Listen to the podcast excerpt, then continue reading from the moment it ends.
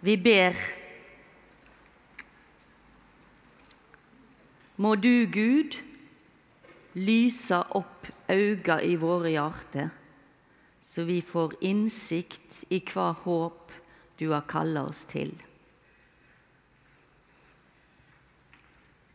Amen. Vi driver og baler med heilagteksten. Heilagteksten som har betydd og betyr alt for mange av oss. Heilagteksten som òg er en historisk tekst. Det nye testamentet, ikke skrevet på mitt morsmål, men av gresktalende, Jesus-truende og skrevet ned for første gang på 80-90-tallet etter Kristus.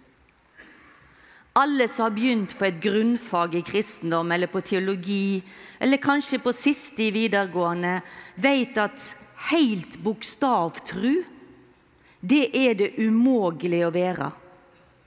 Gresk og hebraisk. Det er utrolig fascinerende å lære, men ikke alltid så enkelt å oversette.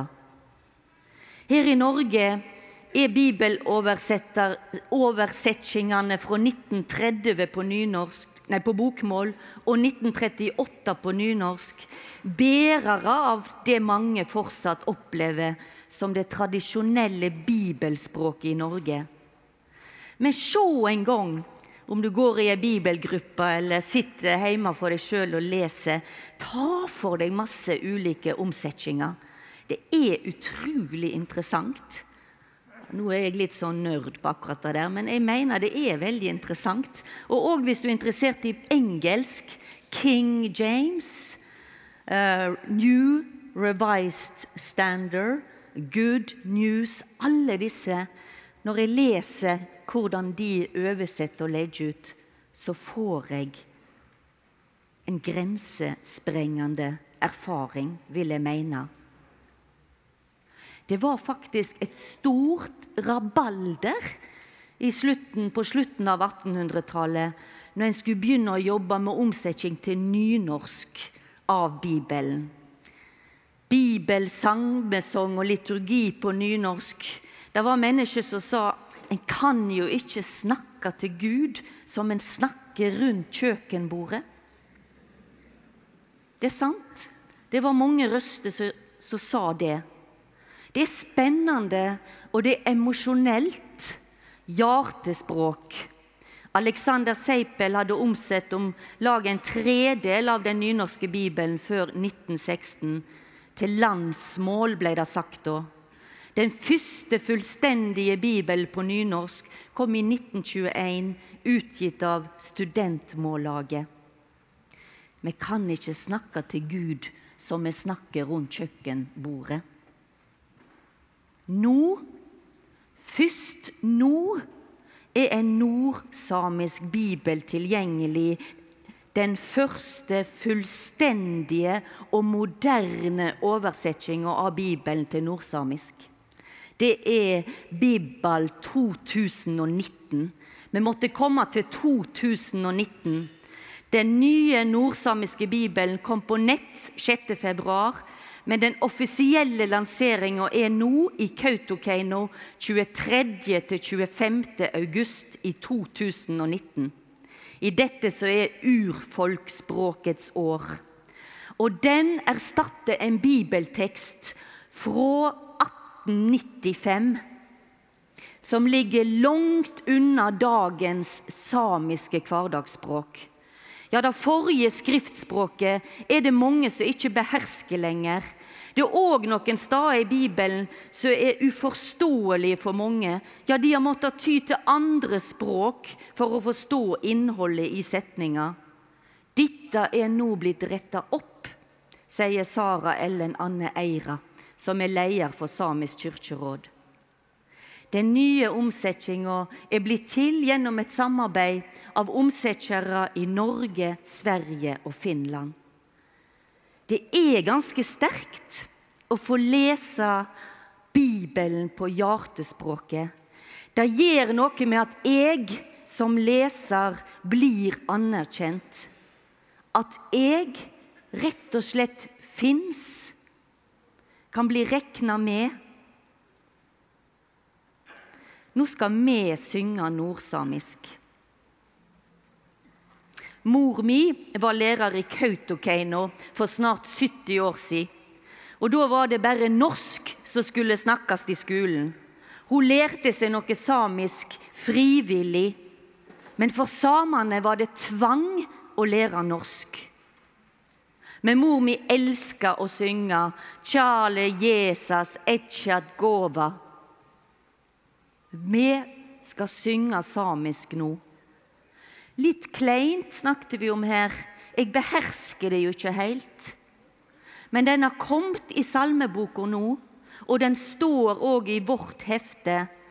Og la oss prøve hvordan det er å gå over i et annet språk.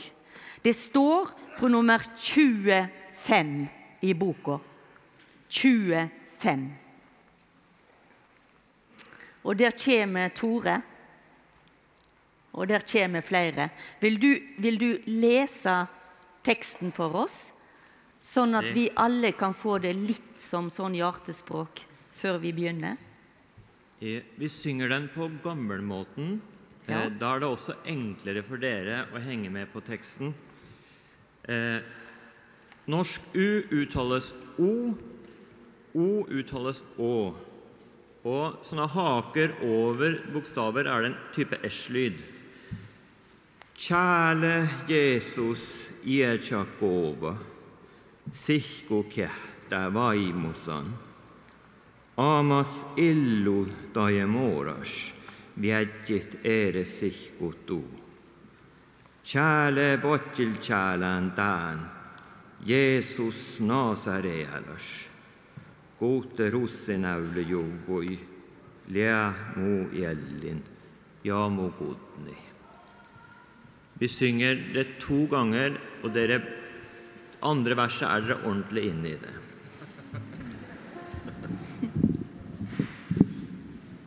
Kjære Jesus, nedtrådt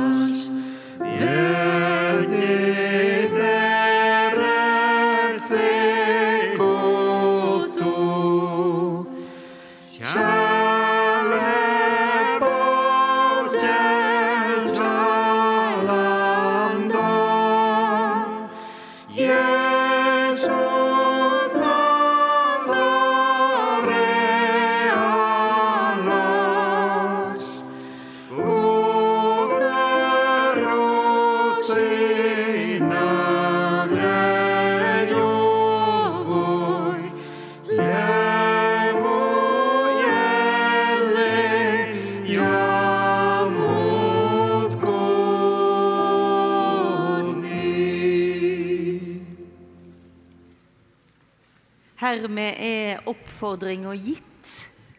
Den søndagen 25. august er det vel, eller 24. Nå, altså. Nå snart. Da er det ikke alle av oss som er i Kautokeino. Men er du i et gudshus, foreslå denne salmen. Og kjenner du noen som behersker nordsamisk, les en av tekstene på nordsamisk. Samisk er også et av de offisielle språkene i Norge, og det er det viktig å holde fram.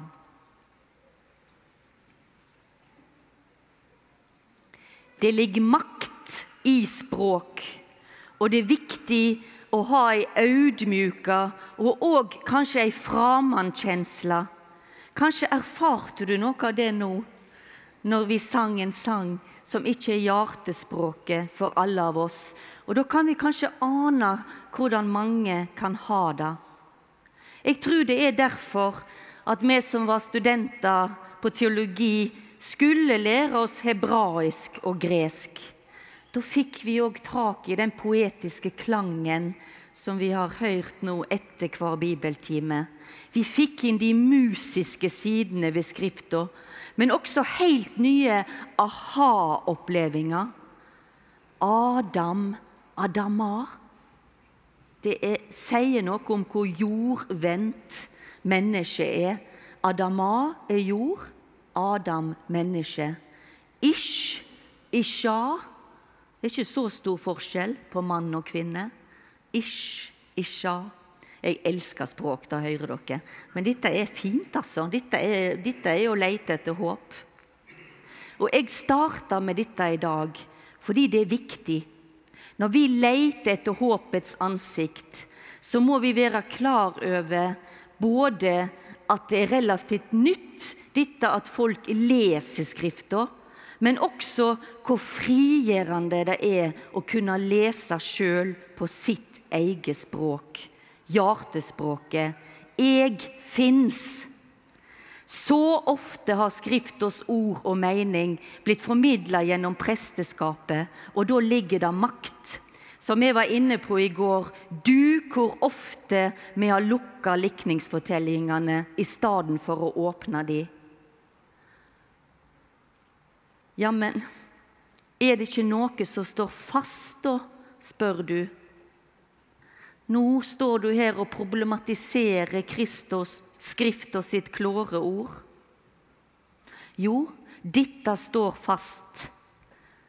Bibelske grunnsanninger at Gud har skapt verden, at Gud elsker oss og kaller oss å elske tilbake, at vi skal elske nesten vår som oss sjøl, og at frelse er ei gåve vi får ved tru, ikke av gjerninger. Det er kjent at Martin Luther så på noen av skriftene i Det nye testamentet som mindre verdifulle enn andre. Hovedsaka for Luther det var å si Kristumtreiben, om de driver til Kristus. Og Dette skriver han i fortalen til et av de nytestamentlige skriftene, det er også den rette prøvesteinen som alle bøker skal bedømmes etter. Det er om de driver til Kristus eller ikke. Er dere med? Det er viktig. I en sammenheng, når han sjøl fortolker Bibelen, så setter Jesus sjøl ord på hva evangeliet handler om. Han åpna bokrullen og fant den staden der det står Herrens ande er over meg, for han har salva meg til å forkynne en god budskap for fattige. Han har sendt meg ut for å rope ut at fanger skal få fridom, og at blinde skal få se, for å sette undertrykte fri og rope ut et nådeår fra Herren. Er dette noe å leve på eller dø på? Er det noe vi finner kraft og ljos i? Det som driver til Kristus, det er rettesnora. God budskap for fattige, et nådeår eller jubelår. Her er det mye å gripe fatt i. Og hvor står du? Vi. Vi kommer ikke fra oss sjøl. Kroppene våre, erfaringene våre jeg leser ofte og ser tilbake på preiker jeg har holdt. Oi, det var jo da mamma døde. Hm, da var vi på vei til å flytte nordover. Jeg har ikke sagt noe om det i preika. Men jeg skjønner det. Jeg er alltid farga av hva jeg står i. Og det er du òg. Like mye jeg som deg.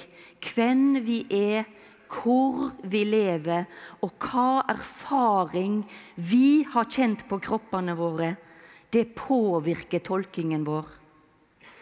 Et menneske kom og ba om veiledning på prestekontoret. Jeg har hørt at Jesus elsker meg. De sier Jesus elsker meg. Men med en gang jeg åpner Bibelen i Det nye testamentet, så møter jeg bare fordøming. Vi las sammen i ett år. Sakte, sakte. Leite etter håp. Og ei viktig clou det var å merke seg hvem er det Jesus snakker til. Han sier ikke det samme til alle. Kanskje du tar til deg det som fordøming, det som i første omgang ikke var retta til deg, du som ennå ikke har erfart deg elska. Har du ikke erfart deg elska, blitt frelst, som en del syns det er et litt klamt ord, men jeg syns det er helt fantastisk. De var utrolig gode når de fant det norrøne fjalsa. For det betyr frihals. Det betyr at ei lenke blir tatt av, og en er fri. Så det er der en starter. Og vi las sakte, sakte, så hvem Jesus snakka til, og etter hvert så merka vi at det blei et rom å puste i. Et rom for hun. Hun fant steder der hun kunne klive inn. Jeg har nok erfaringer av det å lese sakte med folk. Bibelen lese sakte. Og det har åpna opp for at hver og en av oss som leser, får plass. Får klive inn og få mulighet på lik linje å undre seg sammen. Der ingen har tolkingsmonopol eller er eksperter. Eller det er kanskje litt feil, for jeg er ofte en ekspert når vi leser sammen. Jeg er en sånn ekspert at jeg sier nå leser vi i fotnoten og ser hva saduserer betyr. Jeg er en ekspert på den måten at jeg vet at en EFA er 36 liter. Det er ganske lurt. For da skjønner vi overraskelsen. I Bymisjonssenteret Tøyenkyrkja, som er den staden jeg lengst har arbeid som prest, leser vi hver fredag sakte sammen. Vers for vers. Samme ritual hver gang. Vi går rundt bordet. Jeg heiter, jeg heiter, jeg heiter. Så får alle sagt navnet sitt, og stemmene høres. Og så leser vi ett vers hver høyt. Og så tar vi ett minutts stillhet. Og så prøver vi å forstå. Men det er viktig. Vi prøver å forstå alt det som er uklart, som vi ikke skjønner. Ennå ikke, og det er strengt forbudt, ennå ikke 'dette liker jeg', eller 'det må bety sånn'. Det er veldig viktig å vente med det. Hvis dere lurer på dette, så kan vi snakke mer om det seinere. Men se, det var sånn jeg oppdaga at i Lukas 15 så sier faktisk den eldste broren aldri 'bror min' til bror sin. Det var en utrolig grensesprengende oppdaging som jeg ikke merka før jeg satt og las Bibelen sakte i Tøyenkirka. Den eldste sønnen som var ute på marka. Da han gikk heimover og nærma seg gården, hørte han spel og dans. Han ropa på en av karene og spurte hva som sto på. Bror din er kommet, sa han, og far din har slakta gjøkalven fordi han fikk han velberga heim att. Da ble han sint og ville ikke gå inn. Far hans kom ut og prøvde å overtale han, men han svarer tilbake. Nå har jeg tjent deg i alle år og aldri sett meg opp mot dine bord. Men meg har du ikke gjeve så mye som et kje, så jeg kunne holde fest sammen med vennene mine.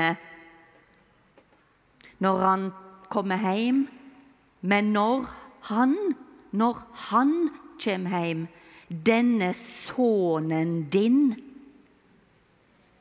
som har sløst bort pengene sine i lag med horer.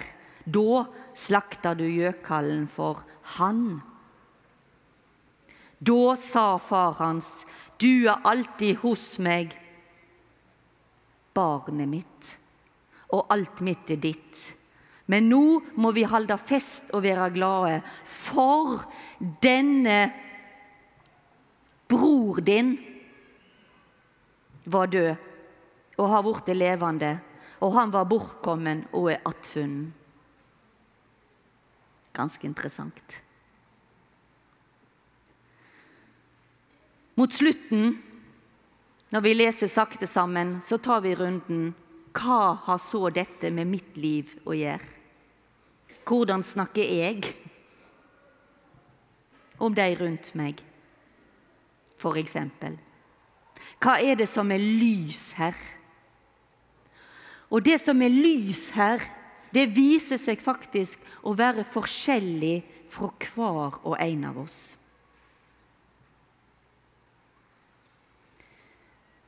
Fokuset er å lete etter mening eller håp i Det nye testamentet.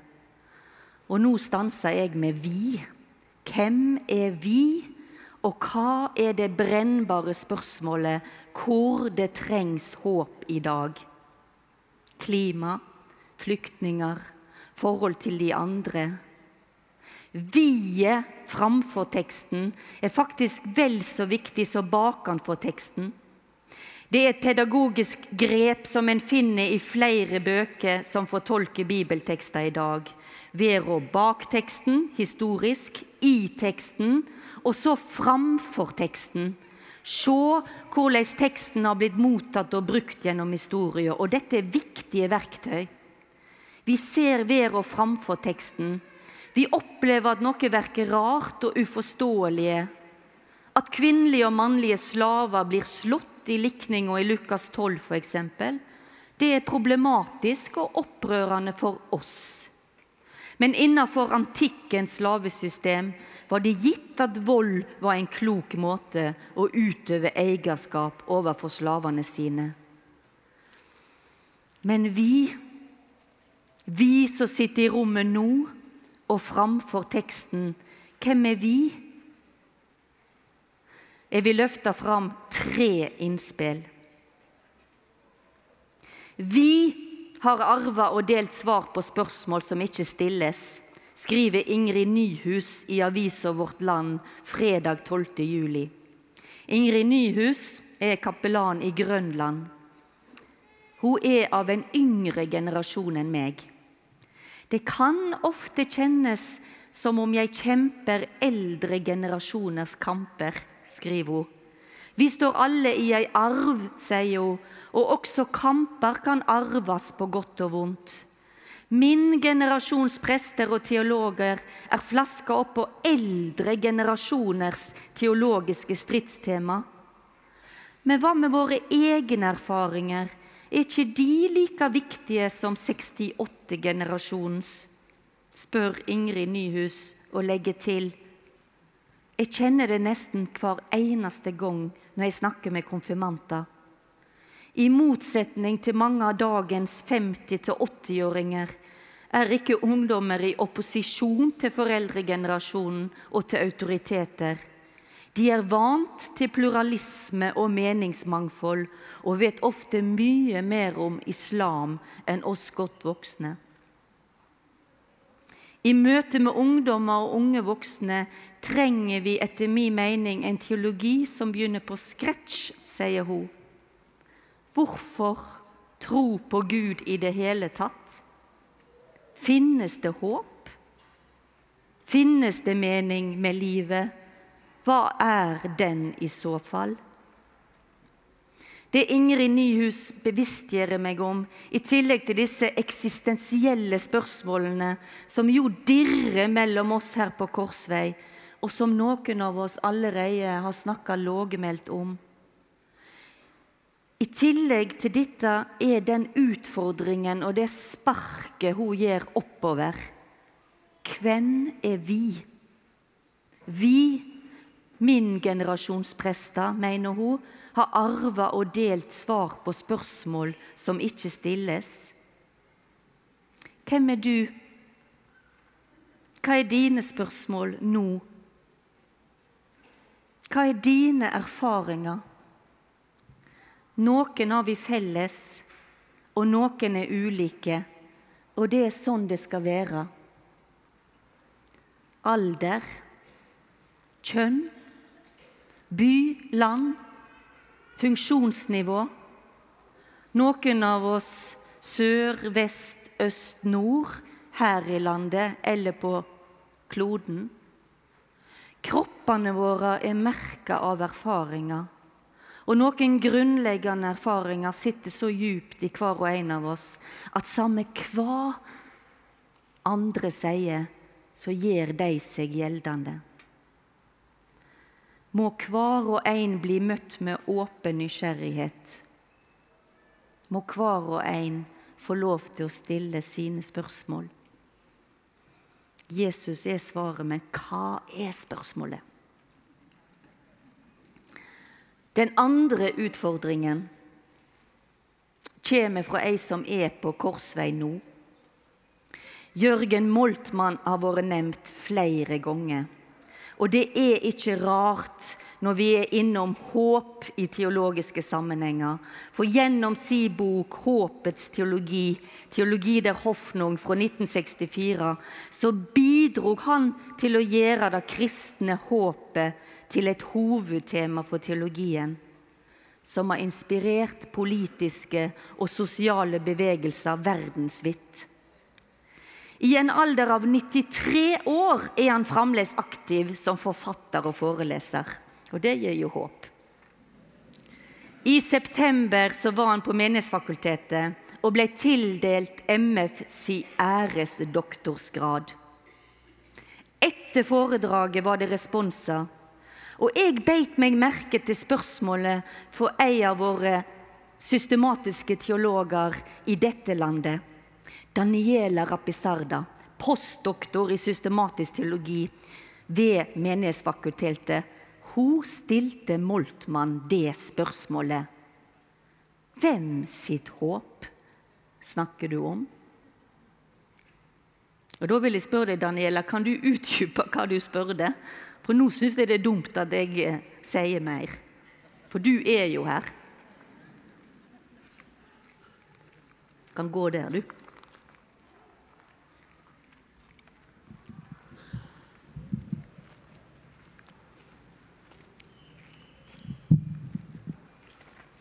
Kari spurte meg i går, så jeg har ikke hatt så veldig lang tid til å tenke hva jeg skulle si kort her.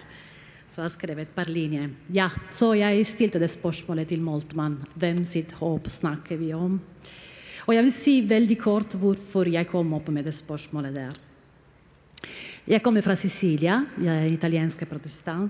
Um, og på Sicilia, de protestantiske kirker og alle sammen er veldig berørt, berørt av alle de flyttinger som kommer med båt så Moltmann kom i september til eh, MF, og bare få måneder før, i august. Det var en sak med en båt, en uh, militær båt, italiensk, som hadde plukket opp uh, ca. 180 flyktninger. Og uh, Italia og Hellas og Malta og andre europeiske land kranglet om hvem skulle ta imot disse flyktningene. Og til slutt kom båten til uh, Sicilia, til uh, Catania. Um, men disse, disse menn og kvinnene uh, fikk ikke lov å forlate båten. Så de var der om, om, i, i, båten i, i, ti dager.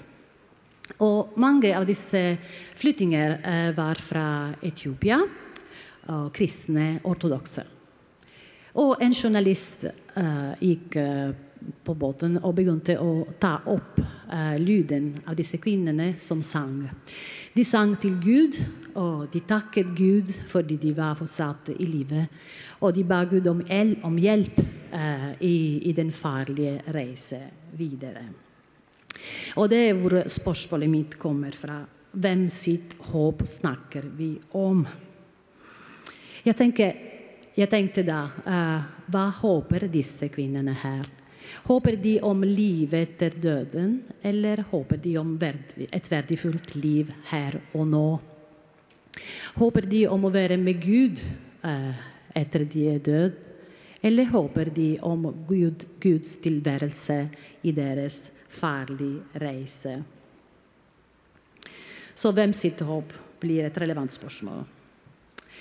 For de som vi synger, håpet har, har et ansikt.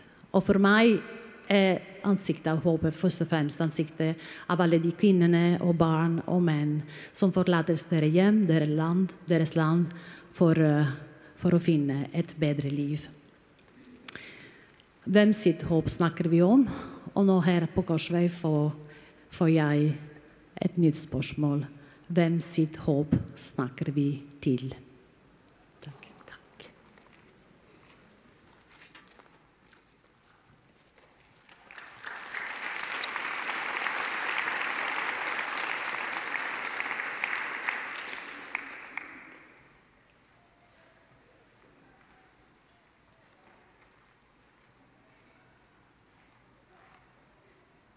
Jeg er spent hvordan Danielas spørsmål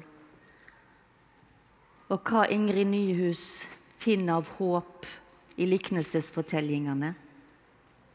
Vi må sette oss ned og lese sakte og la disse spørsmålene klinge med, og så gjøre de. I går så snakka vi om surdeig, og vi gikk forhåpentligvis ut herifra med litt surdeig på hendene. Jeg avslutta i alle fall samtalen under treet med konkrete surdeigserfaringer. Etter å grunne mer på likningsfortellingen og ikke minst den salmen vi sang, som vi ikke vil få tid til å synge nå, men ta den til hjertet, for den er så åpnende. Mektig er du når kun et surdeigsgram kan heve bakstekonas deig før dagen bryter fram. Med surdeigsoppskrifter og surdeigssalme og surdeigserfaringer så fikk jeg høre at surdeig fins. Herman har funnes, fikk jeg høre. Det var en surdeig som en til slutt ble lei av.